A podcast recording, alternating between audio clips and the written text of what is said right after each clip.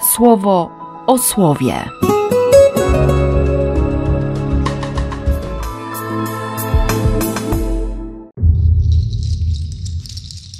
12 listopada, piątek. Z Księgi Mądrości. Bo z natury głupi są wszyscy ci ludzie, którym brak poznania Boga i nie zdołali na podstawie dobrych rzeczy dostępnych zmysłom uznać tego, który jest, ani patrząc na dzieła, nie odkryli sprawcy lecz za bogów uznali bądź ogień, bądź duszę, bądź lotne powietrze, bądź sferę gwiaździstą, bądź wodę gwałtowną, bądź światła na niebie, strażników władu.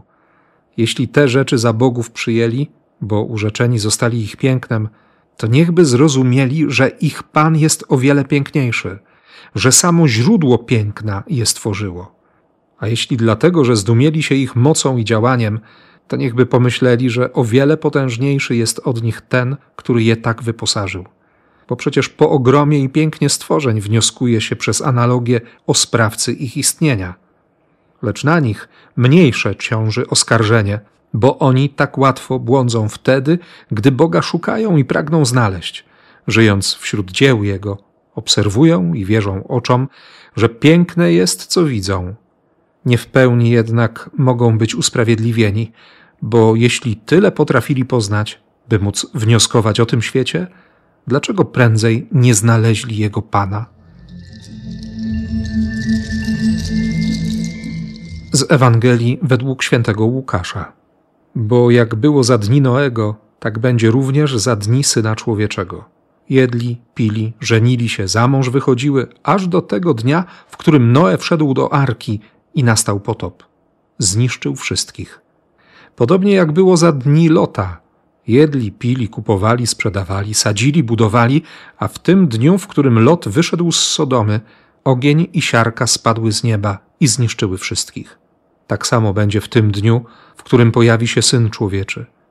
Kto w owym dniu będzie na tarasie, a jego rzeczy w mieszkaniu, niech nie schodzi, aby je zabrać. Kto na polu, niech tak samo nie odwraca się do tego, co za nim. Przypomnijcie sobie żonę Lota.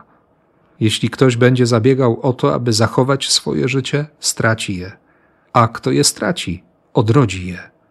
Oświadczam wam, tej nocy dwóch będzie na jednym łożu, jeden zostanie wzięty, a drugi odrzucony. Dwie będą razem meły, jedna zostanie wzięta, a druga odrzucona. Wtedy odzywając się, zapytali go: Dokąd, panie? A on im odpowiedział: Gdzie padlina, tam zbiorą się także sępy. Da się potraktować to słowo jako bat na niewierzących, na animistów i, i tak dalej, i tak dalej. Ale wiem, że to słowo ma być lustrem dla mnie. Myślę, że dla ciebie też. Ono może we mnie obudzić te emocje, które towarzyszą, kiedy się człowiek zakocha, kiedy przeżywa fascynację zachwycony jest. Pan jest o wiele piękniejszy. Być urzeczonym pięknem stworzenia i wiedzieć, że On jest o wiele piękniejszy. Mieć pokorę i zachwyt wobec potęgi i mocy natury i wiedzieć, że potężniejszy jest ten, który wszystko stworzył. Że On nie jest bezsilny, że On nie przestaje być Bogiem. Nawet wtedy, kiedy ja go nie traktuję jak Boga że nie przestaje cały być dobrem, miłosierdziem, miłością, szczególnie wtedy, kiedy, kiedy dobra szukam gdzieś indziej, kiedy miłosierdzie na moich warunkach, no i gdy mi się wydaje, że miłość to, no właśnie, krok wiary, skok w ciemność, szeroko otwarte ręce, żeby go uchwycić, żeby nie obudzić się z ręką w nocniku albo w potopie żeby to, co tak bardzo walczę, nie doprowadziło do mojego zniszczenia. Wyciągnąć ręce bez lęku, że stracę, że coś wypuszczę.